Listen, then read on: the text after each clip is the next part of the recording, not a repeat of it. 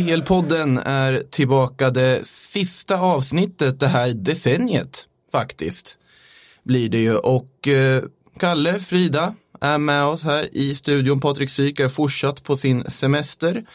Eh, och så jag, Makoto, sitter här då fortfarande på den här vikarierande, rätt stol nu för tiden. Nu har Kalle fått tillbaka sin stol som han brukar sitta på här. Det känns tryggt. Ser förnöjd ut här borta. Hur är det med Frida då? Eh, jo tack, det är, ehm, det, det är helt okej okay, får jag säga. Man blir ju alltid lite extra glad i, eller extra varm i hjärtat ska sägas när David Moyes ännu en gång tar sig in i våra liv. alltså med David Moyes och jag tänker bara på den här presskonferensen i, vad heter det, i San Sebastian då när han tränade Real Sociedad när han skulle visa sin spanska. När han pratade om yeah, I've seen the guys, uh, dos, tres times. Och sen kallade Esteban Granero för Stefano under en hel match. Helt fantastisk sejour han hade där i La Real. Eh, vad tänker du, vad minns du av David Moyes La Real-sejour, Kalle? Nej, men jag minns bara först och främst förvåningen att han, av alla brittiska tränare, så var det han som fick eh, ett jobb i La Liga. Det var ju helt och hållet eh, out of the blue. Man hade kunnat tänka sig att typ Brennan Rogers eller någon som talar flytande spanska som har eh, som ett spanskt tänk har varit mycket nere i Spanien och utbildat sig, att han hade fått det jobbet. Men att eh, det var David Moyes av alla människor som fick det, det var, det var en chock. Och sen eh, var det väl inte speciellt förvånande att, att det gick som det gick. Ja, Gary Neville fick ju såklart ett jobb, men det var ju mer nepotism där kan man väl säga. Ja, det har inte lyckats så bra. John Toshak var ju där en sväng i Madrid och så vidare och lyckades relativt väl ändå. Men annars har ju engelska tränare gärna inte åkt till Spanien eller de som åkt dit har ju inte lyckats särskilt bra. Eh, när vi ändå är inne på Moj så kan vi väl ta den punkten direkt för det är ändå väldigt nytt detta. Manuel Pellegrini har alltså fått sparken från West Ham för er som inte visste det efter en rad skrara resultat, som man brukar säga. Och eh, David Moyes snabbt då återinsatt som tränare efter att ha haft West Ham just om sitt senaste jobb. Spontana tankar kring Moyes till West Ham? Nej, men det är... en del av en tycker väl såklart att det är ganska ironiskt med tanke på att det inte var särskilt länge sedan som vi faktiskt såg honom där. Ehm, en annan del av en tänker ju att vad är det egentligen West Ham har sysslat med de senaste åren? Alltså om vi bara ska börja i, i den änden. Ehm, jag vet ju att efter att man, hur var det nu egentligen? Det måste ha varit efter att man, ja men precis innan man anställde Pellegrini som tränare så gjorde man ju ändå en genomkörare i klubben och försökte, för att det ska sägas att dessförinnan så var West Ham en oerhört omodern klubb, alltså sett till hur klubben styrdes. De hade liksom inte ordentliga, eh, en ordentlig scoutingverksamhet och Ehm, alltså var mycket efter om man jämför med, med andra klubbar och det är förstås väsentligt att allt sånt fungerar om man ska, som de då, slå sig in i, i Big Six som alltid har varit liksom, deras mål. De hade fortsatt att spendera pengar ska sägas också under den här tiden. Men har man inte en tydligt utformad struktur eh, bakom så, så är det ju lätt hänt att rekryteringarna inte faller väl ut, vilket de många gånger inte gjorde i West Hams fall.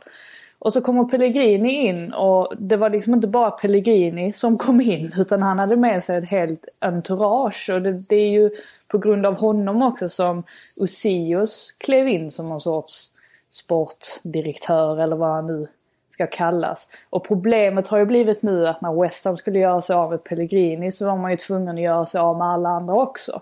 Vilket innebär att, ja visserligen har de fått in David Moyes, vilket säkerligen var ett panikdrag från dem för att de bara behövde ha in en tränare. Men de står också utan en sporting director, eh, de saknar eh, personer på flera andra viktiga positioner och de befinner sig alltså i en period där de riskerar att åka ur. Så att eh, man kan ju ifrågasätta väldigt mycket som, som West Ham har gjort, alltså beslut som har tagits det senaste året. Eh, David Moyes, ja, vad ska man säga, han kan, han kan väl möjligtvis eh, hålla dem kvar i Premier League, men det är ju ingen tränare som kommer ta det här West Ham till det steget dit de vill, utan nu måste de liksom börja om på noll igen och det har de bara sig själv att skylla. Skrev ju treårskontrakt Pellegrini när han signade som eh, där och då gjorde honom till en av de bäst betalda mm, tränarna i Premier League. Tjänar ungefär 120 miljoner om året så att eh, det blir en kostsam historia så också. Det var oundvikligt att, eh, att eh, göra någonting med tanke på trenden. Eh, också känslan av att det inte riktigt, det är ingen som riktigt tror på någon slags förbättring. Jag läste någonstans att West Ham-hierarkin såg även den här incidenten där Michael Antonio ska ha kraschat en Lamborghini in i, eh, på tomten hos någon eh, stackars människa där. Eh, som en del i att Pellegrini har tappat kontrollen över truppen. Att de inte är eh, tillräckligt disciplinerade. Och eh, jag tror att känslan var både från, egentligen från alla håll, att han kommer inte kunna vända det här. Det är ju lite pikant att eh, West Ham efter segern mot Manchester United i, tidigt i höstas, i september, klev upp på femte plats i tabellen. Och West Hams officiella konto gjorde då en peak angående att det snackades om Solskär at the wheel i Manchester United så, så gjorde de en tweet där med Pellegrini at the wheel. Och eh, sen dess har det ju bara gått fullständigt utför. Så det var en superjinx av dem själva och eh, eh, jag tycker ändå det är intressant att det är David Moyes som man plockar in. Det var en tränare som var i West Ham, räddade kontraktet för snart två år sedan, men fick ju inte förlängt då med hänvisningen till att man ville gå i en annan riktning, man ville ha en annan profil på manager och det är ju samma sak som att säga att du inte är bra nog. Eh, nu är han uppenbarligen bra nog för att komma in nu och ska rädda skutan igen och vara den permanenta lösningen för fortsättningen också. Det är ju så de ser det i alla fall och jag har svårt att se att det inte skulle kunna finnas det är möjligt att han är i den där kategorin som vi har pratat om tidigare, de där krisdoktorerna som kan komma in och bara staga upp ett lag och rädda ett kontrakt. Men eh, jag tycker det är signifikativt för en klubb som, som inte har någon riktning, inget tydligt ägarskap och som skulle behöva göra en rejäl utrensning, framför allt på ägarsidan. Det hade nog varit positivt om man hade hittat en ny köpare som hade velat eh, velat någonting med den sportsliga delen i West Ham. Jag hade fått för mig också att, att Pellegrini var en sån som var väldigt eh, alltså, duktig på de här eh, små detaljerna. Att han var en stor tränare på det sättet. Men även om han verkar, alltså det verkar som att han har varit väldigt populär i spelargruppen så har det ändå funnits en, ett internt missnöje mot att han aldrig eh, pratade med spelare individuellt, eh, gick igenom vad, vad de skulle behöva jobba på. Eh, han blev erbjuden att eh, se en massa statistik från en förlust eh, från någon eh, i klubben och då avfärdar han det genom att säga att statistik eh, berättar ingenting. Alltså att han, han verkar ha varit, väldigt bakåtsträvande på det på det viset. Eh, och dessutom så har det liksom kommit uppgifter om att eh, spelarna inte åt tillsammans. Alltså en sån oerhört enkel grej som alla andra klubbar gör och som gör också att, alltså att man, man lär känna varandra på, på ett helt annat sätt och att man liksom Ehm, ja, att man blir ett lag helt enkelt. Och, och det är väl just den biten faktiskt som har saknats i West Ham också. Att det har inte funnits tillräckligt många spelare som faktiskt verkar ha brytt sig om hur det kommer gå. Um, så att ja, det, det är mycket som, mycket som inte har fungerat i West Ham, så kan man ju säga. Nej, för Pellegrini känns ju ändå som en tränare som hade sin prime där runt Villarreal-tiden. Alltså nu pratar vi ju förra decenniet i princip. Ja, och är väl lite av den gamla skolan. Den Champions League-semin är ju 2006. Ja, så det är 13 år sedan. Ja, precis. precis. så det var ju då han hade sin stora prime på något sätt. Han är och sen en... runt 10 där någonstans. När han har Real Madrid. Han gör det bra och, i Real Och vinner ju titeln med Manchester City och så vidare. Nej, men jag tycker han hade väl sin prime där. Och jag tror precis som, som ni är inne på, han kanske inte har hängt med riktigt och är i framkant framkant idag. Det är han inte längre. Mm. Och där blir man kanske lite för skärmad av CVt som West Ham eh, och många andra klubbar blir. Att man tittar på CVt istället för vad som tittar på vad som, vad som fungerar här och nu. Eh, jag hävdar att hjulen snurrar väldigt fort idag i fotbollen och det, det går fort att bli utdaterad idag på ett annat sätt än vad det gjorde för 20 år sedan när man tittar på West Ham också hur man har agerat så är det tydligt att man har velat ta in spännande, eller på olika sätt spännande tränare. Man tänker Slaven Bilic när han kom in var ju jätteintressant. väl när han kom till West Ham, bara att det inte riktigt lyckades. Pellegrini kanske inte är intressant, men fortfarande ett stort namn. Och man, jag kan ju inte se att man kommer förlänga med Moyes även om de räddar kontrakt, utan då kommer vi få se typ Marcelino testa Premier League eller liksom Kicke igen eller någonting. Det är intressant, men Nej, jag är inte säker på det. Alltså. Du tror jag, inte det? nej, jag vet inte. månader är det väl skrivet. Precis, utan eh, jag tror nog att man ser honom som den permanenta lösningen tills vidare nu. Och sen om man skulle åka ur, ja då kanske man går i en annan riktning. Men klarar man kontraktet, då tror jag han får, får vara kvar den här gången. Mm. Vi får se. David Moyes alltså som fått någon form av uh, icke-anställd interimroll i West Ham de senaste åren, men kanske får vara kvar då om man ska tro kontraktet. Han har ju en del att, så att säga, bevisa Moyes. Eh, visst, jag tycker ju att han gjorde det helt okej okay när han var i West Ham senast. Eh, Mm. Det är därför han får komma Precis. tillbaka, annars hade han inte fått göra det heller. Eh, trots allt räddade han kontraktet där. Men det han gjorde in, dessförinnan var ju allt annat än bra. Om man tänker på Sunderland, Real Sociedad, United. Manchester United. Alltså, han har ett, ett antal misslyckanden nu. Mm. Eh, några som inte misslyckas, eller verkar inte kunna misslyckas i alla fall, det är ju Liverpool. Eh, och då, sedan vi spelade in ett avsnitt senast så har de hunnit vinna två matcher till. Eh, först då 4-0 i seriefinalen borta mot Leicester. Eh, och därefter 1-0 hemma mot Wolves då igår kväll. Vi väl, men det är ju den här Leicester-matchen som kanske är intressantast att analysera. Ja, den det. är i och för sig äldst, så vi behöver inte grotta ner för länge i Nej. den. Men det var ju en jäkla imponerande insats, det får man ju säga. Det var ju ett sånt där statement som egentligen man väntar på när det gäller Liverpool. De har ju inte spelat så bra den här säsongen. Eh, det är ju inte sprakat om dem. De har varit stabila och det är otroligt imponerande vilket lagbygge de är, vilken vinnarmentalitet de har, vilken stabilitet de har, vilken så här, förmåga att göra det som krävs av uppgiften. Möter de ett sämre lag, ja, de gör inte mer än vad som krävs. Möter de ett bättre lag, ja, men då kan de höja den där ribban. Det har ju varit det mest imponerande med Liverpool den här säsongen. Eh, och där är det bara liksom att lyfta på alla hattar som finns och buga sig dubbelvikt inför vad Klopp och hans team har har gjort och vad spelarna har, eh, visat sig vara kapabla till. Men det har ju faktiskt inte varit någon sådär, de har inte spelat eh, jag, i närheten av så bra som de egentligen gjort de senaste ett och ett halvt åren före den här säsongen. Då tycker jag det är verkligen, varje match man har sett Liverpool av och säga, där fan vad det är roligt att se det här laget spela. Det har jag inte tyckt varje gång i höst. Men nu var det ju en sån insats som var liksom, ja men det var ju en referensmatch för den här säsongen. De kommer ju lyfta titeln, det har vi sagt ganska många gånger i den här podden. Jag tror vi var först av alla att slå fast det i höstas, att det skulle bli så. Och, eh, Sportbladet avslöjar. Ja, precis. Lite så. Men, nej, men det, jag, jag är så förvånad att folk i, andra sammanhang inte vågar slå fast det. Alltså, vi, du och jag, Frida, vi sa ju det efter tre omgångar där när City åkte och förlorade där mot Norwich. Jag vet att du hade dem som etta redan inför säsongen, Frida, men, men eh, redan då sa vi ju där med Norwich-matchen att ja, men det är i stort sett klart. Det, det, det, de kommer ta det. Men nu gjorde de en sån där match som, eh, som vi har väntat på som ändå vittnar om att det finns en väldigt hög höjd också i det här laget. De var ju alltså, ett par, tre klasser bättre än Leicester. Leicester som har imponerat i år, men som i och för sig inte har varit sådär jätteskrämmande i stormatcherna. Så att eh, eh, och de hade väl lite marginaler med sig Liverpool. Jag vill nog hävda faktiskt att det har varit intressant att se en VAR på första målet de gjorde där när, när de slog hörnan. För det kom aldrig någon repris på det. Jag är inte säker på att VAR-rummet tittar på den heller, men jag tror den hörnan som Robertson slog där var utanför kortlinjen från början. Och sen fick de ju en lite turlig straff. Den var rätt dömd. Eh, oavsett vad Kasper Schmeichel säger så var den rätt dömd, men det var lite av en bonusstraff.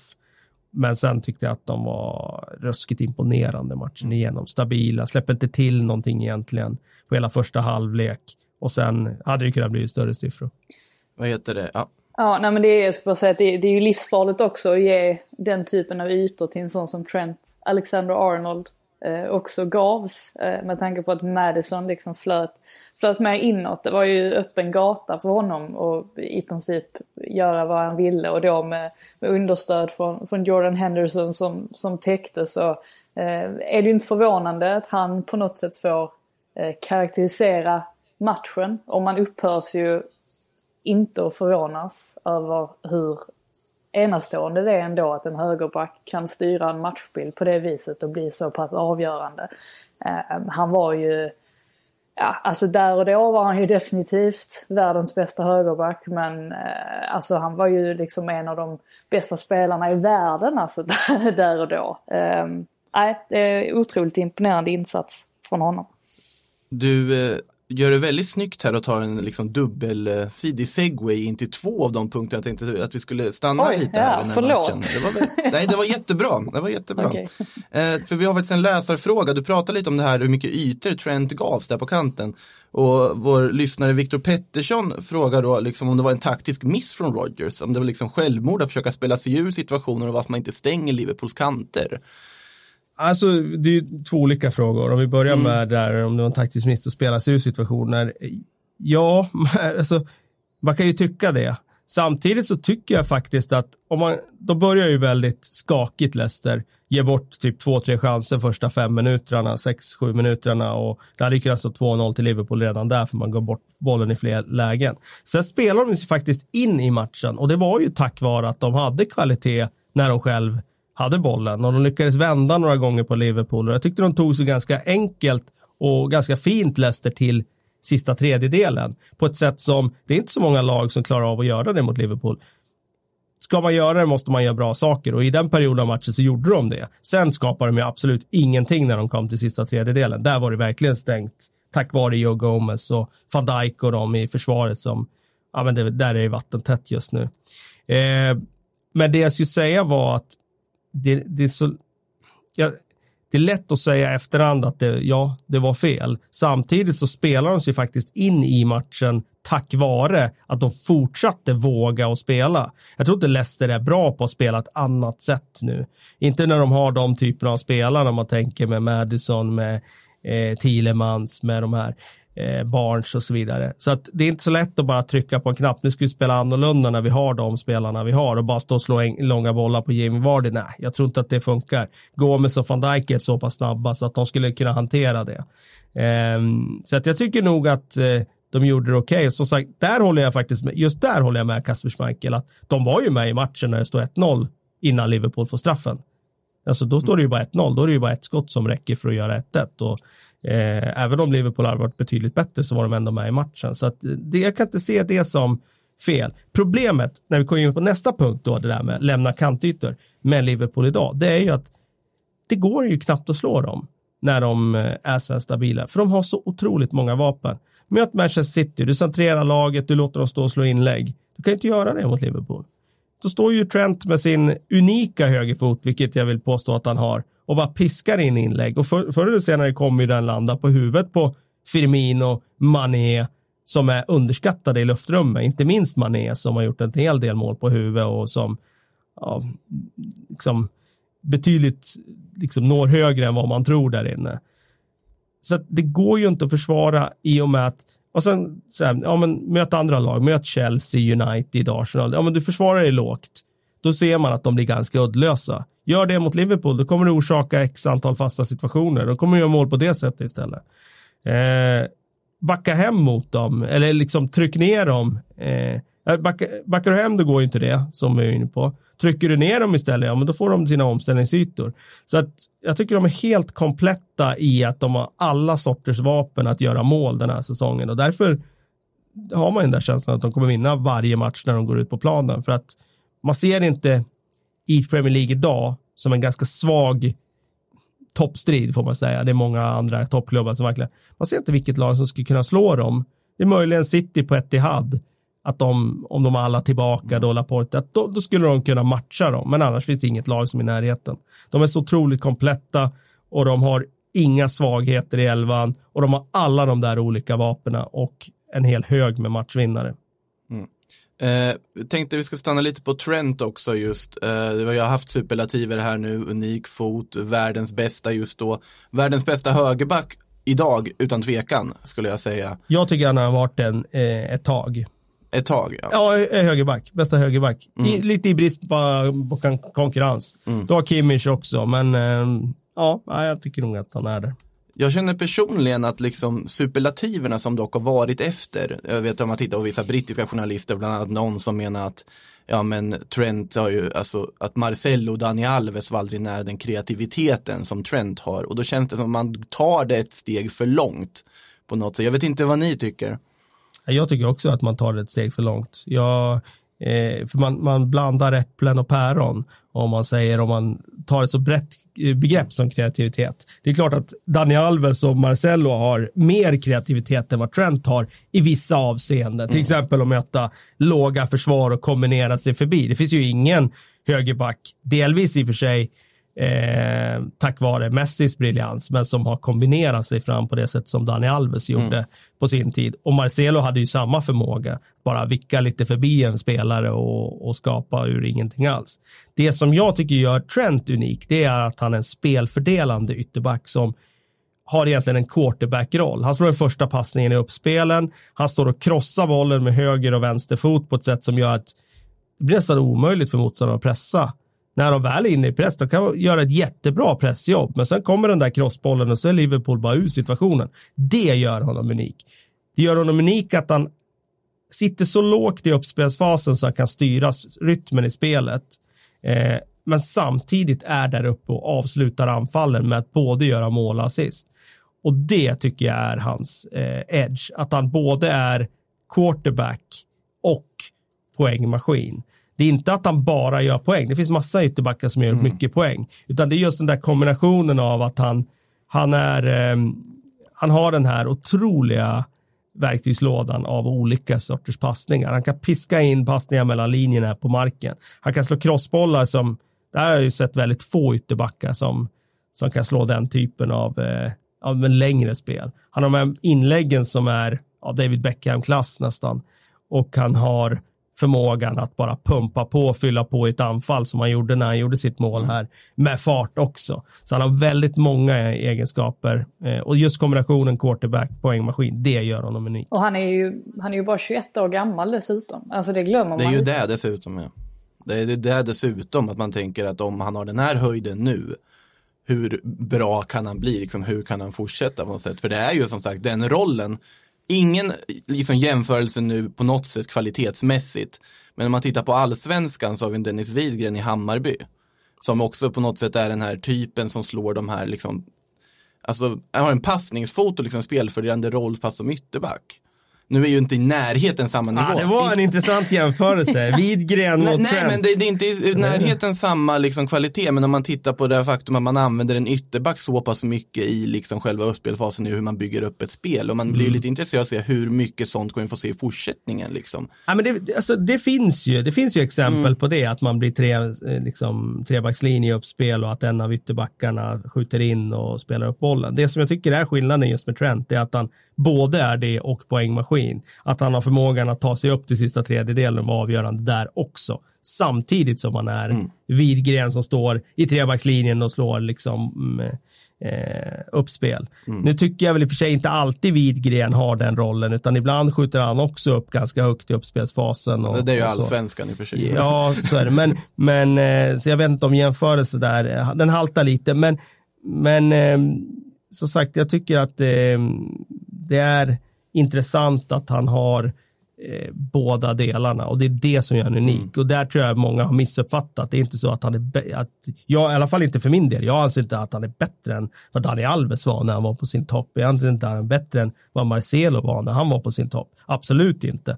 Men eh, de är, de andra spelartyper. Sen, sen, tror inte jag att Trent hade, han hade inte velat spela högerback om han inte hade fått ha den här typen av rollen. Alltså han, enda anledningen till att han ens hamnade där från första början det var ju för att då, hans tränare i akademin ansåg att det skulle vara störst chans för honom att och slå, in, slå sig in i A-laget. Eh, alltså han, det har ju pratats om det här liksom, ah, man ska, kanske ska, ska man flytta upp honom till mittfältet så småningom när han behövs där.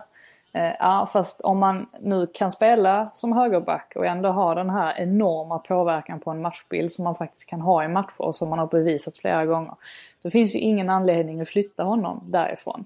Men han var ju verkligen så här, eh, liksom, eh, när han pratade om hur ytterbackar var traditionellt sett för tio år sedan. Ja men innan Ashley Cole kanske man ska eh, säga. Alltså då för 20 år sedan. Ja 20 år, åh oh, herregud det är, ja, det är, usch, det är 2020 ja, det, det, är sjukt. Ja, det är sjukt. Det är sjukt. Eh, ja. då, då sa han, då rynkade han ju till och med på näsan liksom. Han bara, så, så där hade jag aldrig velat spela. Eh, så att, eh, Ja, nej men det, det, det är väl klart att han, eh, så länge han trivs på den positionen och får den här eh, ändå typen av frihet att ändå kunna hänga med upp i anfallen så kommer han ju, eh, då finns det ingen anledning att flytta på honom. menar jag om vi ska prata om en annan uh, yngre försvarsförmåga i Liverpool så har vi en Joe Gomez som fått lite speltid på sista tiden. Uh, vad tycker uh, Kalle? Vill du prata Joe Gomez här inför? Så han är också. Du har väl någon tanke? Nej, men jag tycker att eh, det kan vara värt att ändå lyfta fram att Joe Gomez började ju säsongen eh, som den tilltänkta partnern till van Dijk. Mm. Presterade inte i början av säsongen, hamnade efter. Matip kom in och var väldigt bra. Eh, blev andra mittback då, bakom van Dijk. Och sen spelade Lovren bra. Och då var han andra mittback. Och i det läget var ju, i och för sig då Matip skadad, men Gomes var ju, hade alla varit friska då hade han ju varit fjärde val där och då. Men eh, det är ju en sån där också förmåga som Liverpool-spelare har i den här miljön som Jürgen Klopp har skapat. Att när man kommer in så tar man chansen och presterar. Och eh, Gomes har gjort det nu och så pass bra som han har varit nu, då tycker jag nog, senaste två matcherna han överglänst till och med van Dijk. Eh, och idag är det ju inget snack om att han är första valet bredvid van Dijk. Alltså att han är nummer två bakom van Dijk. Eh, och skulle Lovren och Matip vara hela så väldigt svårt att se att, att Klopp skulle ändra om det skulle vara en, en eh, toppmatch och de skulle eh, liksom, behöva ställa det absolut bästa laget på benen, vilket de oftast gör. Eh, han har ju den där snabbheten och han är inte heller så gammal, så det är ju en försvarare som jag ser en väldigt stor potential i att utvecklas till en topp, toppback.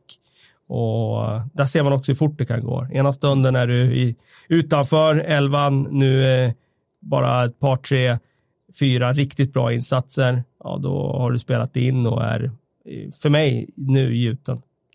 Alltså för man tänker ju för två månader sedan så hade man ju inte blivit överraskad om han hade gått på lån till Bournemouth under vintern. Liksom. Det var ju nästan den nivån på att han inte fick de speltiden. Hade Matip och Lovren varit eh, skadefria och han hade varit fortsatt fyra, precis då hade det funnits då, en risk för det. Ja, då, liksom. Ja, men Joe Gomez alltså, till och med han nu också levererar för ett Liverpool som ser totalt ostoppbara ut. Eh, vad säger vi om Manchester City då? Det är ju de som vi inför säsongen sa skulle kunna utmana Liverpool och eh, det vart ju ett poängtapp här under mellandagarna. 3-2 förlust mot Wolves när man tappade då med en man mindre ska väl tilläggas också till från 1-2 till 3-2 där i slutet och sen därefter en 2-0 seger mot Sheffield United. Tankar kring Citys mellandagar? Ja, nej, men det är väl klart att man eh, blev påverkad där av eh, Edersons utvisning. Eh, jag tror inte att man ska tror inte man ska dra för höga växlar. Alltså jag tycker fortfarande att vi vet ju om att Manchester City och Liverpool är ju de två klubbarna liksom i Premier League som, som är bäst för tillfället. Och Liverpool är såklart allra bäst men Manchester City är ju trots allt, alltså oavsett om de ligger på tredje plats eller inte så är ju de fortfarande tvåa på något sätt.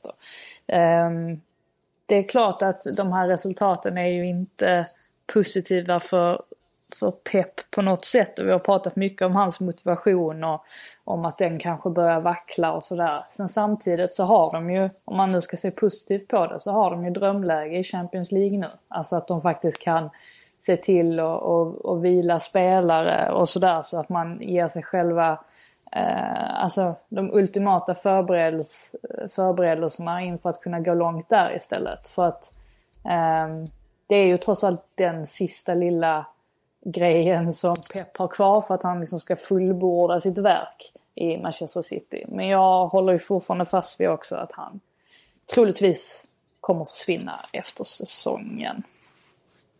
Det känns väl så ändå fortfarande, jag tycker. Ja, jag tycker det känns mer och mer så. Eh, för varje vecka som går. Så får vi se. Eh, som sagt, jag är helt inne på Fridas linje också där att eh, de är borta i ligan, kan fokusera allt på Champions League. De har inte lyckats i, i, i utslagsmatcher, eh, men de har den där höjden som vi har sett i enskilda matcher den här säsongen och de kan plocka fram dem, gör de det vid rätt tillfälle framme i vår så kan de slå vilket lag som helst. Jag hävdar fortfarande att de har den högsta, högsta nivån i Europa av alla lag. Och eh, även, ska jag säga, faktiskt Barcelona, oavsett hur bra Leo Messi är, för att Valverdes eh, Barcelona skakar för mycket i de andra delarna. Så jag tror faktiskt att City har en nivå som är eh, tillräckligt bra för att ta hem Champions League och det blir intressant att se om de kan få tillbaka Laporte där framme i vår och, och göra det. Det var ju ja, en, eh, det var ett riktigt debacle att tappa 2-0 såklart mot Wolves mm. där.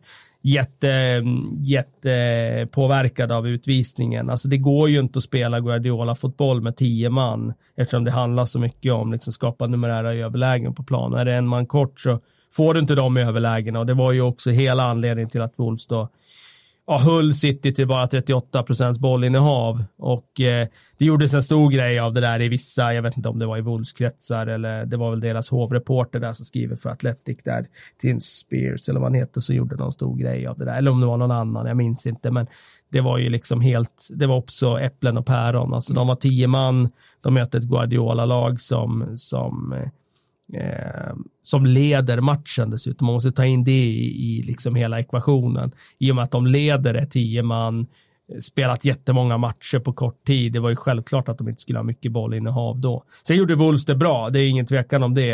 Eh, de har ju ett spel som passar utmärkt mot topplag. Men det var också intressant tycker jag att i första halvlek när Wolves då fick möta ett Manchester City som ledde matchen och backade hem, eller redan efter utvisningen backade hem, då hade ju faktiskt Wolves jättesvårt att skapa saker mot lågt försvar.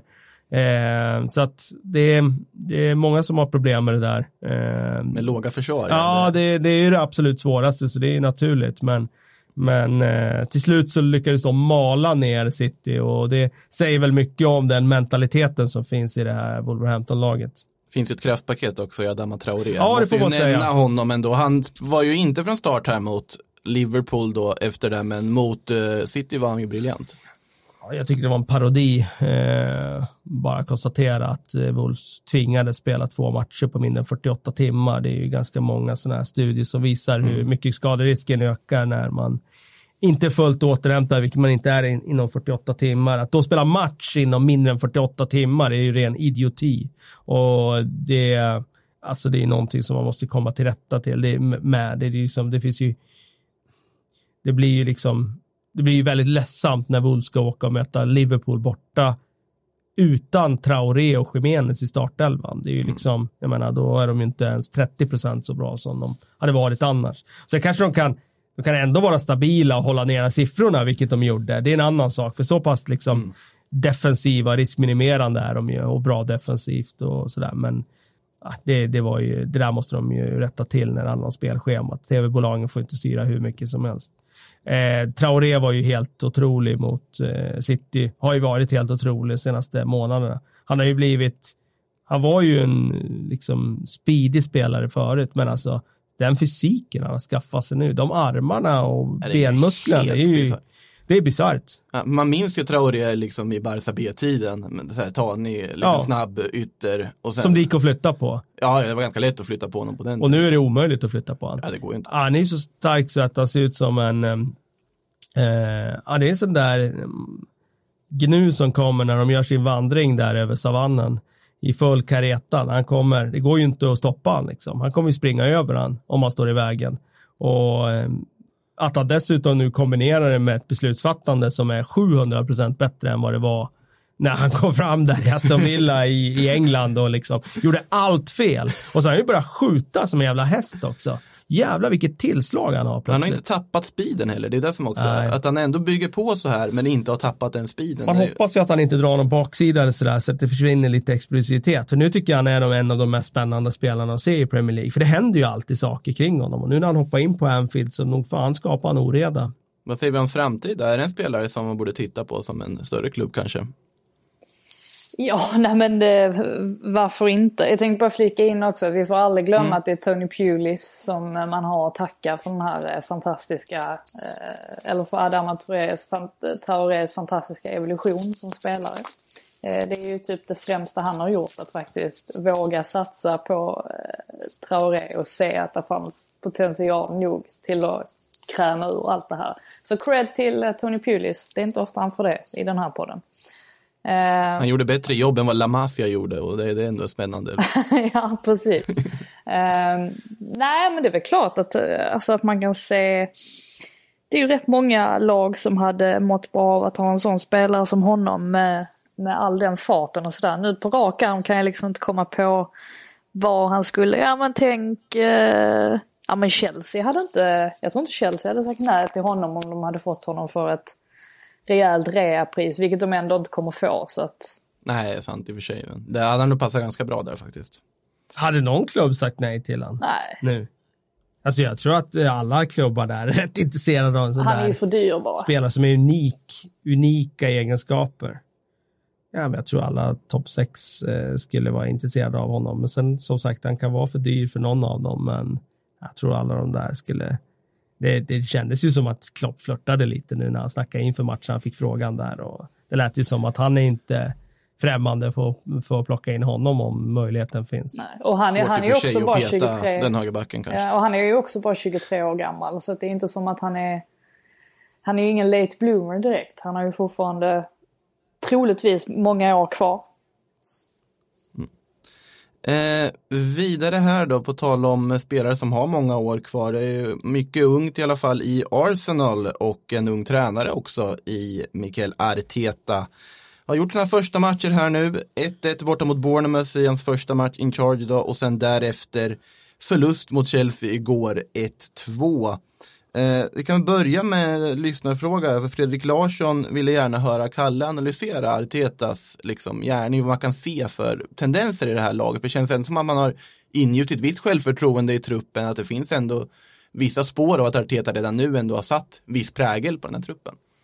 Ja, alltså jag tycker ju kanske inte man alltid ska överdriva den där, vad ska jag säga, när en tränare har jobbat under en annan tränare. Eh, att, eh, liksom, att det blir eh, jättebra av det. Men eh, just i det här fallet så tror jag att jobbar man under Pep Guardiola tror jag man blir väldigt influerad av det. Det var intressant att jag tittade lite på klippen från första träningen som Arteta höll så var det väldigt mycket just det där positionsbaserat anfallsspel. Alltså tankarna i det så, så är det ju det man känner igen och det är det man ser i spelet nu också. Eh, Grundidén är ju från eh, Guardiolas jugade position eh, och att liksom positionsbaserat anfallsspel. Det är lite tydligare positioner tycker jag när de spelar upp bollen från målvakt. Och det är små skillnader, kanske lite bättre spelavstånd, lite bättre vinklar, men det kan göra hela liksom eh, skillnaden på om man spelar upp bollen med framgång eller om man tappar bollen i uppspelsfasen och, och motståndaren ställer om och så är det mål i baka. Så det är så otroligt små skillnader som, eh, som är mellan liksom, om man lyckas eller inte. Och jag tycker att de tecknen tycker jag är positiva. Eh, det, är upp, det är självklart att han har plockat upp saker från, från Pep där, när det gäller där. Och sen har han ju självklart ja, en egen kunskap kring det. Han var ju en väldigt, väldigt skicklig tänkande spelare på sin tid i en position på plan som brukar skapa bra fotbollstränare, defensiv mittfältare. Så att, eh, Eh, där finns det ju någonting. Så, eh, jag tycker det allra mest intressanta är just att han har liksom skruvat tillbaka till att eh, gå tillbaka till egentligen ruta ett med vad är det som behövs? Jo, det är attityden måste bli bättre. Eh, han kommer inte acceptera att man inte tar jobbet, att man inte springer i pressspel, att man inte tar defensiva omställningar. Och där var det ju en jätteskillnad på Arsenal tycker jag. Om man tittar på, han sa ju själv kroppsspråket och liksom energin, men just bara attityden eh, i den här matchen nu mot Chelsea, de sprang ju på ett annat sätt än man gjort tidigare. Och det tycker jag var eh, positivt också. Vi kommer komma in på Mesut Özil sen säkert, för den var ju en del i det, att de fick ett helt annat pressspel tack vare att han var påkopplad på ett helt annat sätt. Eh, det negativa var väl att, och jag tycker väl också med formation och sådär, det var 4-2-3-1 som blev lite 4-4-2 i försvarsspel, vilket jag tror är, är bra. Jag är inte säker på att, att de ska konstra till så mycket, utan det, det är nog så de ska göra det. Och jag tror, jag tror på att eh, hålla Özil på bra humör och få in honom i laget för att han har en hög nivå. Eh, det negativa var ju att när Frank Lampard gjorde sitt byte där i 34 minuten och, och ändrade formation så tycker jag faktiskt det bara direkt slog över till Chelseas favör. Inte mycket, men där, från därifrån var, var matchen Chelseas. Och Arteta och Arsenal kunde inte parera och hämta sig från det riktigt, utan därifrån så var de i brygga egentligen hela andra halvlek. Och nu var målen, ja det första är en jättegroda av Leno och det andra kan ju Mustafi göra mycket bättre. Dels på mittplan där han kan gå upp och följa Tammy Abraham i rygg, ta en frispark eller bara hålla honom felvänd så, så blir det förmodligen ingen så vass kontring. Och han kan ligga närmare honom i straffområdet också när Abraham får vända runt. Han gör det jättebra, men han får vända runt och avsluta. Men det var ju faktiskt ett Arsenal som föll ihop i andra halvlek och det vittnar väl eller understryker väl bara det här om att han har en stor, stort arbete framför sig. Jag fick lite vibbar till um, i början av säsongen när man lyssnade på presskonferenserna eh, efter matchen nu igår då. Um, så pratade ju, det här var ju ett problem som Chelsea hade i början att de, eh, de, de kunde spela Frank Lampards spel Eh, under en viss period av matcherna och sen så föll de ihop för att eh, ja, men energin tog slut och de kunde liksom aldrig hålla det över 90 minuter. Eh, alltså oftast långt mindre än det. Alltså ett klassiskt exempel var matchen hemma mot Leicester. Som, där kom man ju därifrån med en poäng. Men den matchen skulle man ju i princip ha förlorat för att man spelade bra i typ 35 minuter. Och sen så eh, orkade man inte alls hänga på Leicester. Och nu känns det lite som att eh, det är samma sak med Arsenal. Men det är också därför jag i alla fall tycker att det känns optimistiskt. Att Arteta har lyckats förändra så pass mycket ändå med oerhört få detaljer på så oerhört kort tid. Alltså det här bådar ju gott för framtiden då. Alltså när han har fått flera månader på sig och, och, och jobba med det här laget liksom Lampard har fått med Chelsea så kommer det ju... Alltså jag är fullkomligt övertygad om att det kommer att se bättre ut. Det kommer, alltså, det kommer inte bli sämre i alla fall. Eh, och dessutom då om han får in någon ny spelare, om man mer reder ut i januari, alltså kring de spelarna som ryktas bort som Granit Xhaka då som väl ser ut att vara förlorad till Hertha Berlin. Nu var han ju sjuk igår så man, man, man vet väl inte riktigt hur det blir där men och Mesut Özil får man väl också reda ut den situationen huruvida han ska stanna eller inte. Men eh, jag tror det finns en anledning till att det var så många Arsenal-supportrar som stannade kvar på The Emirates igår och ändå applåderade Arteta. Um, det har de inte gjort många gånger under den här säsongen ska jag säga. Så att det känns men, ju optimistiskt. Men är det inte lite intressant också det där med just den här eh, debatten som har varit kring Arsenal Fan TV och så vidare. Att eh, det började ju med den där artikeln i New York Times och sen eh, blev de ju verbalt attackerade i samband med matchen mot Everton där. Och nu känns det som att hela Arsenal-fanskaran fick en tankeställare där. Jag kollar på Arsenal Fan TV nu efter eh, det och de har ju skruvat ner eh, sitt tonläge. Det märks ju att de har blivit, de har ju påverkats av det här. Och är det inte lite så att Arsenal nu kanske gör en grej också av att, jag tycker man ser den tonen lite på Twitter om man tittar på liksom de här inflytelserika stora liksom Arsenal-supportrarna, att det, tonen är nu att nu måste vi backa tränaren liksom. Och att de har lärt sig kanske någonting av det här, att de gör en liten grej av att nu ska vi stå bakom tränaren och helt enormt här. Eh, och det är, det är inte fel, absolut mm. inte. Jag tror det är helt rätt och de behöver det som klubb. Men jag konstaterar bara att eh, det känns så. Och de, jag tror de kommer vara helt stoiska i det. De kommer bara liksom, det kommer aldrig vara eh, en färskara som går emot Arteta nu, utan där han kommer få köra det här. Han kommer få tid att, bygga det här och jag tror att det är helt rätt. Han har ju ändå varit med på Peps resa i England här. Han har sett hur Pep har byggt City från eh, jag ska inte säga ruta ett, för han hade såklart mycket bättre spelare i Manchester City när han kom dit. Men han implementerade sin spelfilosofi från ruta ett, Pep, när han kom.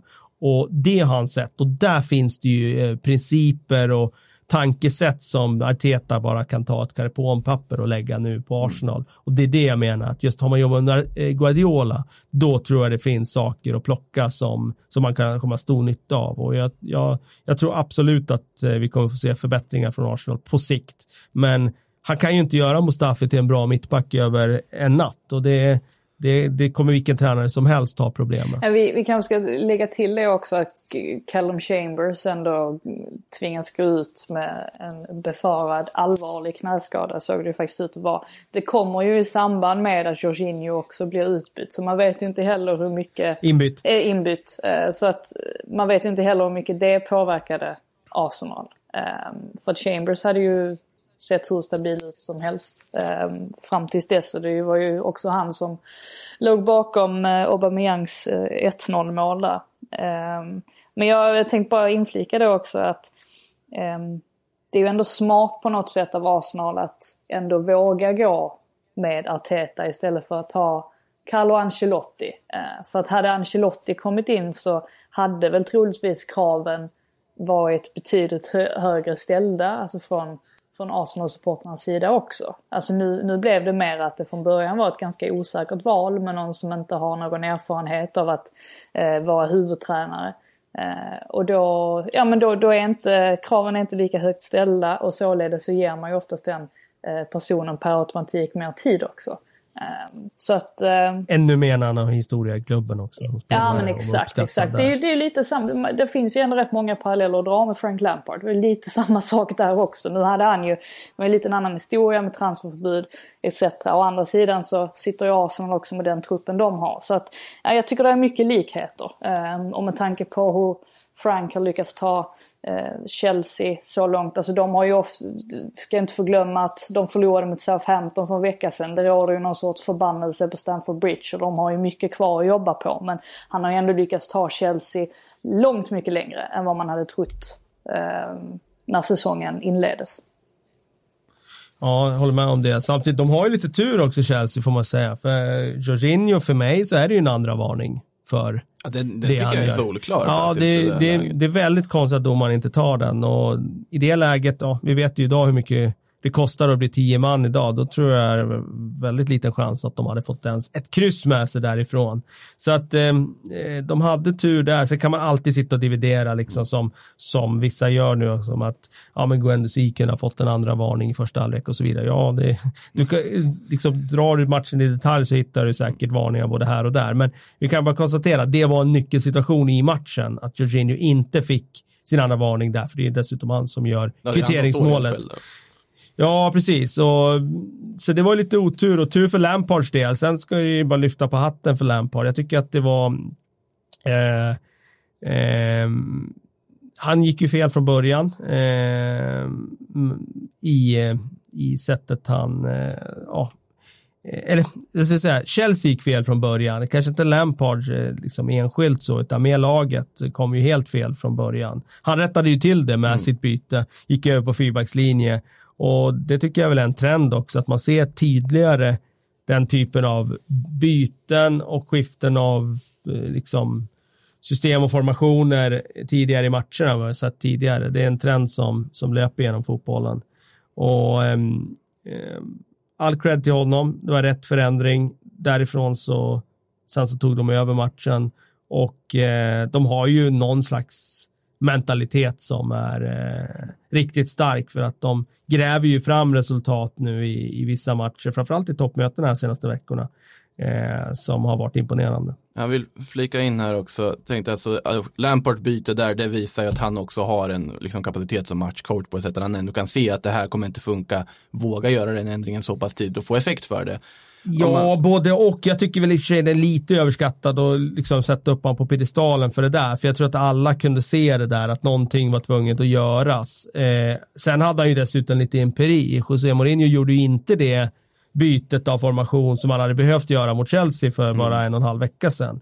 Och eh, där fick ju Lampard med egna ögon se vad det innebar för den matchen. Mm. Alltså, Mourinho agerade för sent. Så att, jag tror det var ganska naturligt att, att agera, men han gjorde det ju och det är klart att vi, vi ska berömma honom för det. Men eh, jag vill, jag vill avvakta lite. Sen var det någon som hävdade att det var Jody Morris som hade tagit beslutet eller sett det åt honom. Det vet vi ju ingenting om. Men, ja. Nej, jag tänker för man måste ju ändå berömma dock Arteta för att ändå kunna gå ut på det sättet de gör. Jag tycker att man, ja Chelsea tog över spelmässigt men när man tittar på liksom klara mål, han tyckte ändå det såg ganska stabilt ut för Arsenal fram tills Leno skulle boka tid i tvättstugan.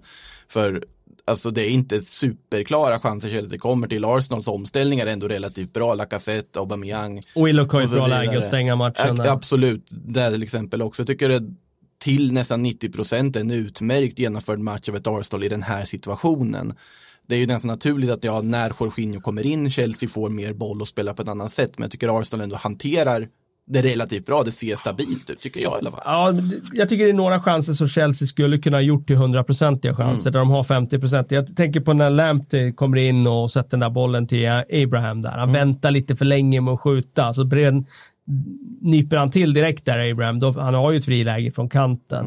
Mm. Eh, William slår ett jättebra inlägg där, eh, minns jag inte vem det är som nickar den på bortre ytan, men det är Aspilicueta som kommer upp ja, på bortre ytan. Den nicken ska ju han göra mycket bättre, alltså den ska han sätta inom ramen mm. i alla fall. Så att jag tycker de hade ett par chanser, Chelsea, som man kunde gjort mer av och därför vill jag inte säga att Arsenal var vattentätt på något sätt, för det tycker mm. jag inte att de var. Men eh, absolut, det, jag tycker att det såg eh, stabilt ut fram till en och hängde tvätt där. Får lyfta det också med Lamptey, att han får komma in, eh, 19 år gammal. Jag, jag förstår knappt var de hittar alla unga spelare. Man tycker varenda gång ah, truppen häftigt. kommer så, så är det något nytt namn och sen så kastar de in honom, honom i hetluften och så gör han det hur bra som helst. Det, det, det, det behövdes ju, eh, framförallt eftersom Reece James i och med att han också var borta så, så var de ju lite skrala där på ytterbackspositionerna och Emerson, han har ju inte varit bra under hela hösten. Ehm, det skulle väl inte vara helt omöjligt om, om han skeppas iväg eh, ganska snart också.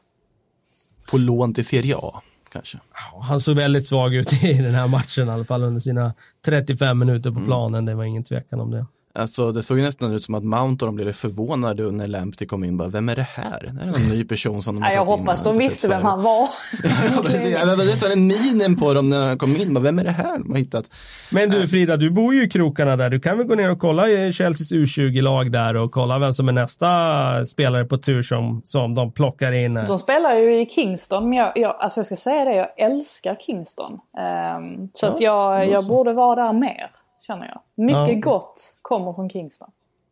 Ja, se. Eh, Jorginho kommer inte från Kingston, men jag tänker vi måste, vi var ju inne på honom lite här, eh, men han gör ju en otroligt bra match, jag är ju vägvinnande i den här, alltså för att Chelsea ska ta de här tre poängen.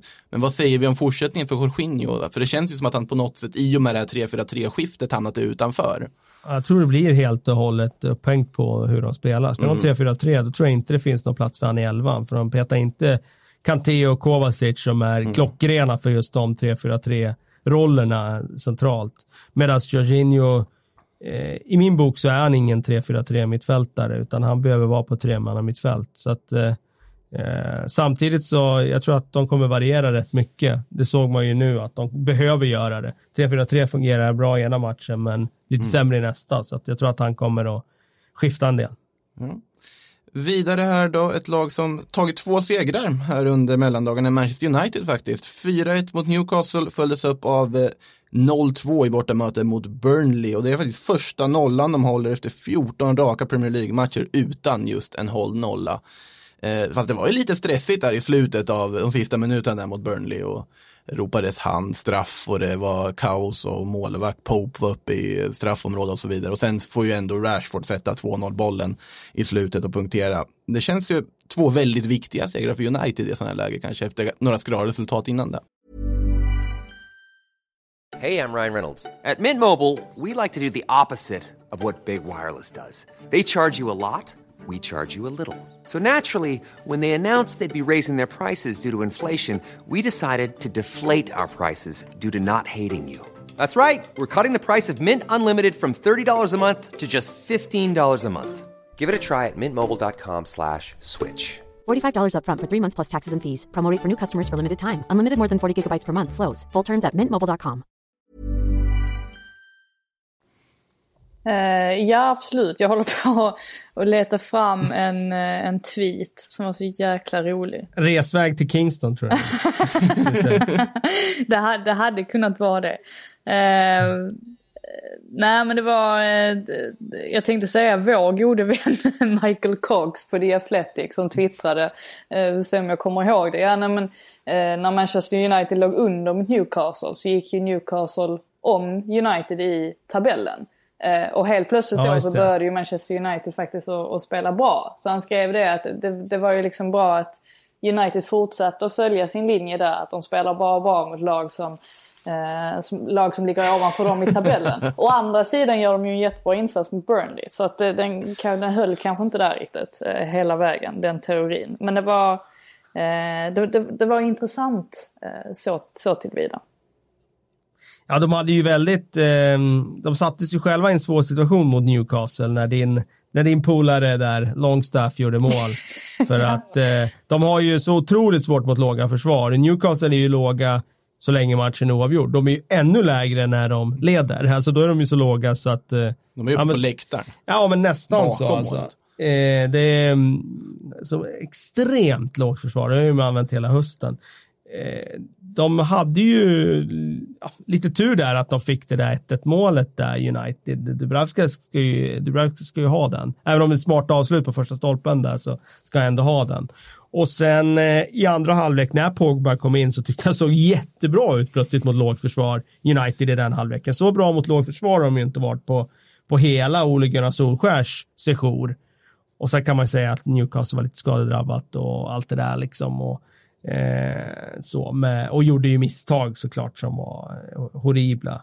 Men eh, United hade ju kunnat gjort andra mål också. Mm. Eh, Martial hade ju någon i stolpen och så vidare. Så det var väl, eh, det var väl i alla fall någonting att hänga upp det på när det gäller liksom United och det här med låga försvar. Att nu har de i alla fall gjort en bra match, de var, eller en bra halvlek där de var riktigt bra mot låga försvar. För det tycker jag de var mot Newcastle. Då spelar de på det sättet de ska göra. Och då var ju Pogba på plan. Jag tror inte att det är någon slump. Absolut ingen slump, utan han har ju de egenskaperna för att eh, vara kreativ och för att eh, liksom eh, få det att länka samman försvar med anfall. Alltså, sen mot Burnley tycker jag också man gör en ganska bra match utan Pogba som då vilas då enligt Ole Gunnar Solskjaer till den här matchen. Men då är det ju Anthony Martial som i princip ligger bakom allting som går i anfallsväg. Ja, han var ju väldigt bra igen mm. får man ju säga. Han eh, har ju varit skadad en hel del den hösten och det är svårt att sätta liksom, antal poäng det har kostat United, men jag tror rätt mycket med tanke på att man då både släppte Lukaku och Sanchez blev väldigt tunna i offensiven eh, inför säsongen. Martials skada där under hösten, den var väldigt kostsam för United. För när de har de där tre där framme, Rashford, Martial och Dan James, då går det undan. Då går det fort. Och mot Burnley mötte de ju ett lågt försvar, men de fick ju några omställningslägen och då straffar de ju dem direkt. Då mm. gör de 1-0 på en omställning, de gör 2-0 på en omställning. De hade ju något mer ett läge där när Martial var fri och hade kunnat stänga matchen i tidigare skede. Så att, eh, det, det, det, såg intressant ut. Fred gjorde också en ny bra insats nu mot Burnley. Han var riktigt bra. Och den som framförallt ska framhållas, det är faktiskt vänsterbacken Brandon Williams som eh, fick lite av sitt genombrott i den här matchen faktiskt. Han eh, har ju gjort eh, ett antal matcher, några starter, lite inhopp och så. Har väl blandat och gett som alla unga spelare, men är bara 19 år fortfarande. Men det här var en sån där insats som gjorde att nu kommer han att eh, pressa Luke Shaw verkligen om, om den där ordinarie tröjan på vänsterbacken. För Shaw har ju sett ganska trött ut och eh, lite nästan smårund. Alltså han eh, har inte alls varit någon explosiv i, i sina offensiva löpningar de senaste månaderna. Brandon Williams såg ju riktigt snabb och pigg och frejdig ut i den här matchen. Jag håller med och jag, där ska Solskjaer ha lite cred också för att eh, han har ju trots allt Ehm, alltså låtit Brandon Williams uh, ta alltså små, små steg alltså liksom in till A-laget. Alltså låtit honom spela i Europa League och i ligacupen um, och sådär. Uh, men ändå liksom visat att han verkligen uh, tror på honom. Det tror jag har, har gjort Brandon, Brandon Williams eh, väldigt gott. Det fanns en del intressant statistik också efter, efter Burnley-matchen. Eh, alltså Burnley som brukar vara ett, ett otroligt eh, huvudstarkt lag eh, kontra då United som absolut inte är det. Jag tror United ligger, i, ligger på 17 plats vad gäller antalet vunna eh, huvuddueller eh, totalt sett då i, i tabellen. Eh, I den här matchen så, så vann Burnley bara 21 eh, nickdueller. Eh, det är alltså samma siffra som United eh, hade. Eh, och Uniteds siffra då var, var bättre än vad de brukar vara. Burnies var då eh, betydligt sämre eh, än vad de brukar vara. Eh, det är ju också en sån grej som Lindelöf har fått väldigt mycket kritik för. Men i den här matchen så fick han trots allt eh, hyllningar återigen för att eh, de tyckte liksom att eh, han var stark i luftrummet. Så att, eh, viktigt för honom. Eh, den som har flest vunna nickdueller i Uniteds försvar, det kan man ju räkna ut att det är Harry Maguire. Han leder det är ganska komfortabelt eh, på den punkten. Ja, jag tyckte Lindlöf var bra i den här matchen. orsakar väl fortfarande någon lite onödig frispark sådär eh, ibland, men jag tyckte han gjorde en väldigt bra match eh, nu. Och eh, jag tror inte det var negativt för den där statistiken heller att, att Nemanja Matic var inne i startelvan för en gångs skull. Eh, och det var nog en tanke med det också, sett att Burnley är väldigt stora och starka i luftrummet, att få in en mittfältare som som har lite längd. Nu vet jag inte om de hade så mycket alternativ med tanke på att McTominay var skadad och Pogba vilades, men, men det var i alla fall en aspekt att de fick in lite längre spelare. Ryktas till Atletico faktiskt, Matic läste jag så sent som idag. Eh, ja, jag, tyck, jag kan ju tycka det att han har varit underutnyttjad mm. eh, faktiskt. Ja, han har inte varit bra, det, så det kan väl vem som helst säga, men nog kunde de ha fått ut mer av honom. Det var en, en av ligans bästa mittfältare när Chelsea vann ligan där för ett antal år sedan under José Mourinho där. Då kan man ha användning för honom i alla fall. Mm. No, han har i alla fall inte haft ett lika dåligt år som Jesse Lingard. Vi, vi kan nu konstatera att han faktiskt har gått ett helt kalenderår utan varken mål eller assist i Premier League. Eh, så man får ju hoppas för hans skull att 2020 bringar mycket mer tur och poäng. Ja, det är ju en anmärkningsvärd statistik med tanke på att han har ju spelat också. Ja. Alltså det är skillnad om du har eh, eh, haft skador om vartannat och så vidare. Visst, han är inte alltid ordinarie, det ska ju kanske ja. sägas då, men han spelar mycket matcher ändå. Och då som offensiv spelare gå från, från ett kalenderår utan ett enda mål och utan en enda assist. Men jag har bara en känsla sådär att han är lite såhär ketchup-spelare, Lingard, att när det kommer så kommer det alltihopa. Så att nu när det blir nytt år 2020 ska jag inte förvåna mig om han gör lite poäng nu direkt när mm. det bara slår om. Månadens spelare? Harry Kane var med augusti, så fort man var ute i augusti, ja men då började han eh, ösa på liksom. Det är inte så nu längre, men det var så förut. Det fanns, fanns en talande grej tyckte jag, jag såg något så här, eh, Juan Matas julhälsningar till liksom, lagkompisar när jag skrev någon bok eller vad det nu var och hade liksom signerat till varje spelare och gett här under jul. Så hade han skrivit till Luke Shaw att du kan bli Premier Leagues bästa vänsterback, liksom kör vidare. Wan Bissaka hade han skrivit till, liksom, du har, jag har aldrig sett någon tackla lika bra som du gör. Till Jesse Lingard skrev han, keep up that positive vibe. Liksom.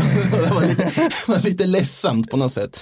Eh, positiva vibbar vet jag inte om vi har i Tottenham, för det, var, det var ju en 2-1-seger mot Brighton, men mot Norwich var det bara 2-2 och eh, fortsatta defensiva bekymmer måste man ändå säga för det här Mourinho-laget. Ja, alltså om vi börjar med matchen mot Brighton så var det mm. ju en otroligt regnig tillställning för det första. Eh, horribelt väder, eh, ska sägas. Boxing Day. Ja, ja, men det var riktigt klassisk eh, Boxing Day på alla sätt och vis. Och där gör de ju eh, en ganska undermålig första halvlek får man säga. Eh, sen är det inte som att, eh, det är inte som att Brighton har total, eh, de total dominerar inte eh, överhuvudtaget. Men vi vet ju också med Brighton att de har tillräckligt mycket kvalitet för att helt plötsligt liksom få in mål. Och det är Webster återigen som eh, gör det den här gången.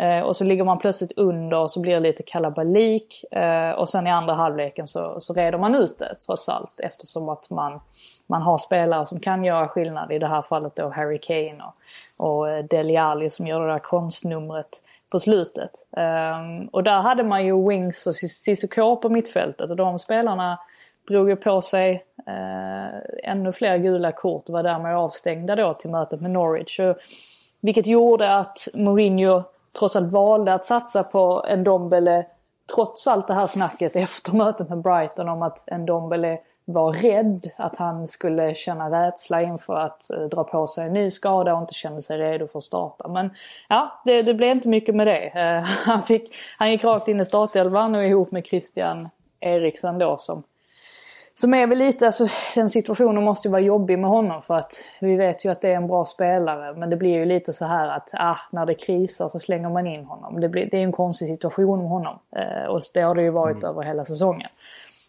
Eh, första halvlek mot Norwich är fullständigt bedrövlig. Alltså det är, eh, det, är inte, det är inte mycket som blir rätt för Tottenhams eh, del. Um, och det här, jag antar att man måste nämna VAR, alltså jag är så trött på det egentligen. Men att Pukki får det där målet bortdömt det är förstås um, för offside. Det, alltså det, det, det blir ju humoristiskt någonstans för det är ju så lite så att um, så att det inte är sant. Vi kommer in på det sen, där jag såg läsarfrågorna, så var de, eller lyssnarfrågorna rättare sagt, ja. så var ju de flesta väldigt mycket ja, V och A och R bland dem. Sen, vi... touchar väl där lite ja, senare. Precis. Och sen i andra halvlek så blir man ju eh, betydligt bättre. Eh, alltså Tottenham då. Mm. Um, och när Serge Aurier um, trycker in det här olyckliga självmålet. Um, då känns det ändå som att man har övertaget eh, och att man mycket väl hade kunnat vända matchen. Men då blir det ju förstås för jobbigt. Så att någonstans så, så tror jag ändå att José Mourinho är nöjd med, med en poäng på Carrow Road för att det, det hade kunnat bli mycket värre. Och totalt fyra poäng då, alltså inklusive Brighton, så är det ju, är det ju helt okej okay ändå för hans del. Mm. Eh, vidare här då till ett annat lag som plockat poäng under mellandagarna. Everton nämligen under Carlo Ancelotti. Två matcher, två uddamålssegrar. Newcastle borta och Burnley hemma. Så man gjorde en United fast med andra ord, exakt samma lag de mötte. Eh, Dominic Calvert-Lewin får man ju säga har varit väldigt tongivande i de här matcherna. Ja, verkligen. Eh, nu har jag inte hårdgranskat de här matcherna, men jag har ju sett lite grann och eh, vi kan ju konstatera att eh, han har ju haft en stigande kurva under en längre tid. Så det är inte liksom, Ancelotti-effekten i, i, den bemärkelsen, utan han eh, har varit bra ett tag. Och det började väl egentligen redan när Duncan Ferguson tog över som interimstränare. Och sen har han kunnat bibehålla den här formen nu. Det ser ut som en sån där eh, nia som faktiskt kan bära en anfallslinje. Och det är ju det, precis det som Everton har saknat nu sen man sålde Lukaku. Eh, och som man har lidit så otroligt mycket av. Calvert Lewin har ju sett spännande ut i den enskilda matchen. Jag minns att han gjorde någon jättebra insats borta på Etihad för något år sedan, ett och ett halvt kanske det är. Eh, men han har ju inte kunnat backa upp det med siffror över en hel säsong. Nu gör han ju mål i en stridström och fortsätter det här så då, då har ju Everton den där spelaren som jag tror kommer göra skillnad på om de är ett lag på den undre halvan eller om de är lag på den övre halvan.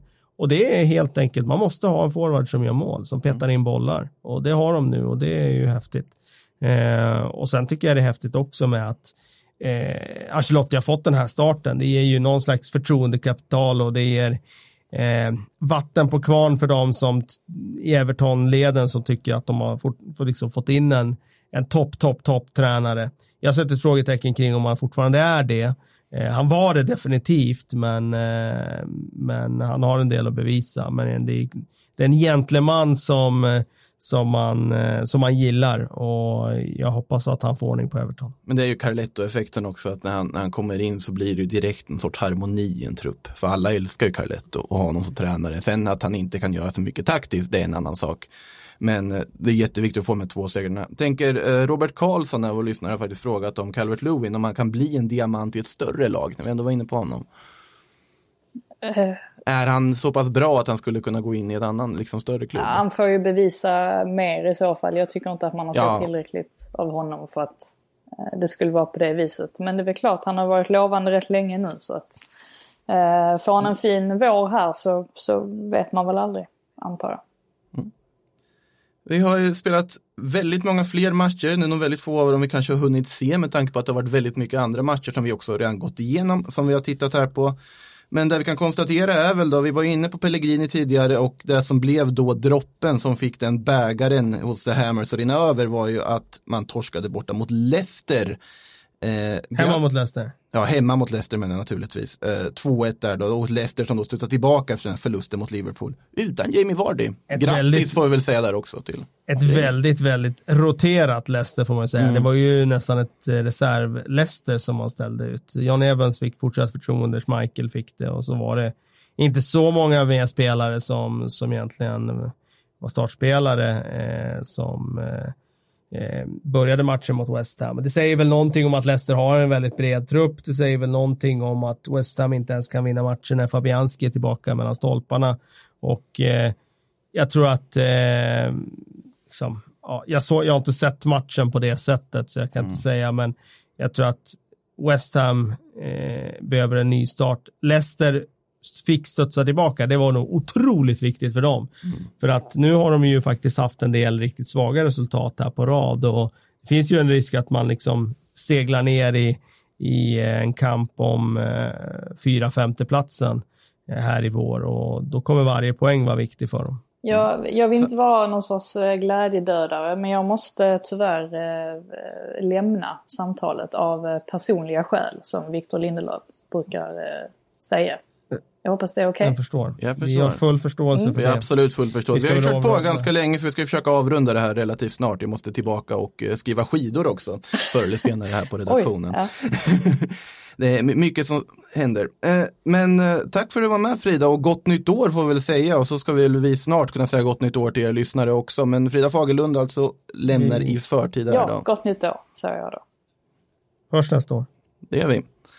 Eh, ska vi nämna lite ord om Watford? När vi, Ja, men det måste vi vi, vi går in, för det är ju ändå Nigel. Pearson-effekten Ja, ja, ja, verkligen. Alltså, eh, Troy Deeney börjar göra mål igen. Ja, inte bara det, utan de har ju fått en stabilitet och en defensiv och liksom eh, någonting att hänga upp det på. Nej, jag, eh, jag är väldigt, väldigt ehm, spänd på att se vad, vad, vad som sker med Watford under våren här. Jag har stor tro på att eh, det finns ju ett antal plankor här. Jag tycker det finns ett antal riktigt svaga lag i Premier League i år, så jag tror att de har alla chanser att reda upp det här. Alltså, det går så fort i den här tabellen när den är så jämn och nu har de tre bra resultat eh, här och nu är de plötsligt uppe så att det bara är tre poäng upp till, till West Ham som är ovanför strecket. Och tar man ytterligare någon seger här, jag menar de har jätteviktiga matcher här framöver i form av Bournemouth borta, de här Aston Villa borta inom kort också i januari här. Det är ju matcher som definitivt är möjliga att vinna. Eh, så att eh, Watford är tillbaka till det här stabila, starka, tunga Watford som är jobbiga att möta. Och det är ju helt och hållet tack vare Nigel Pearson, för det var man ju inte innan han kom in. Eh, och som du säger, Dini passar ju väldigt bra om de spelar den här typen av fotboll nu och jag tror att han, han och Nigel Pearson känns ju väldigt kompatibla om man bara tänker på personlighet kring de två så känns de väldigt sådär, ja, det känns som en match in heaven. Mm. Eh, ska vi dra vidare och ta några små läsarfrågor här då innan vi stänger butiken för det här decenniet. Eh, Johan Lindström frågar, kan Wolves utmana om fjärdeplatsen? Två otroligt starka prestationer inom 48 timmar och känslan är att det nu har så många nycklar för att även klara lågt sittande motstånd. En gång till, jag, jag läste här, sorry. Ha- Har de nycklarna för att... Vad, Att, vad, vad, att de har så många nycklar för att även klara lågt sittande motstånd om de kan utmana om fjärdeplatsen, Wolves då alltså. Jag vet inte, vi var väl inne på att de kanske inte hade riktigt Nej, jag tycker att... inte att de har det. Jag tycker absolut inte att de har nycklarna för Det de har är att de har Raúl Jiménez som en otroligt underskattad anfallare. Jag tycker han är en av ligans mest underskattade spelare. Så de har ju han som en fin huvudspelare. Adama Traoré kan skapa oreda, men jag tycker inte de har något i sitt spel på något sätt som är eh, att de kan hota låga försvar, utan det är nog mer att Adama Traoré ska vara dörröppnaren där och liksom hitta på något med sin styrka och sin fart. Eh, de kan dock utmana om fjärdeplatsen av en annan anledning och det är deras extrema stabilitet. De, För mig är de ju ett AIK eh, 2018. Alltså de spelar ju 5-3-2, de kväver motståndaren. De tar egentligen luften ur matcherna genom att vara extremt defensiva och riskminimerande och det är inte så himla jag vet att de får, du frågar mig där med Wolves förra året. Jag har inget emot Wolves. Det jag menar är att jag tycker att de får lite för mycket credit sett till att det de har gjort, det är att de har jävligt bra fotbollsspelare.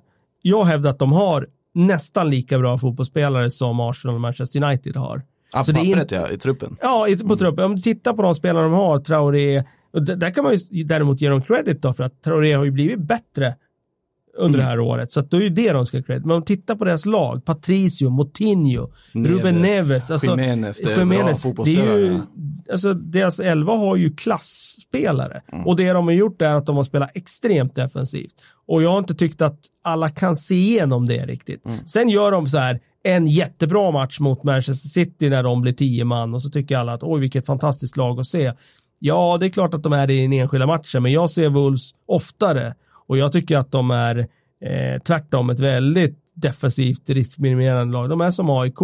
AIK fick massa kritik för hur de spelade när de vann guldet. Eh, Wolves är ju lite samma sak. Det de har däremot är att de har några spelare som är riktig klass. Och det är ju Jiménez och Adama Traoré med sin speed. Och sen har de några till som, som gör det lite roligare att se på. Moutinho och så vidare. Men det, liksom, rent taktiskt och formationsmässigt, eh, alltså eh, själva riskminimeringen, den är väldigt lik eh, baktunga 5-3-2-lag. Därför tycker jag att de får lite för mycket credit. Däremot är de ju otroligt stabila. Det är bara att lyfta på hatten för att de, de, eh, de har fått alla i det där laget att köpa att vi ska spela på det här sättet. De är väldigt mm. tydliga i det och de gör det jäkligt bra. Jäkligt bra gör de det. Mm tar en fråga som vi kan svara väldigt mycket kortare. Jimmy Stråle säger, Aron Van Bissaka är bättre än Trent Alexander-Arnold. Sant eller falskt en gång för alla? falskt kan vi väl ändå säga, eller? Ja, alltså...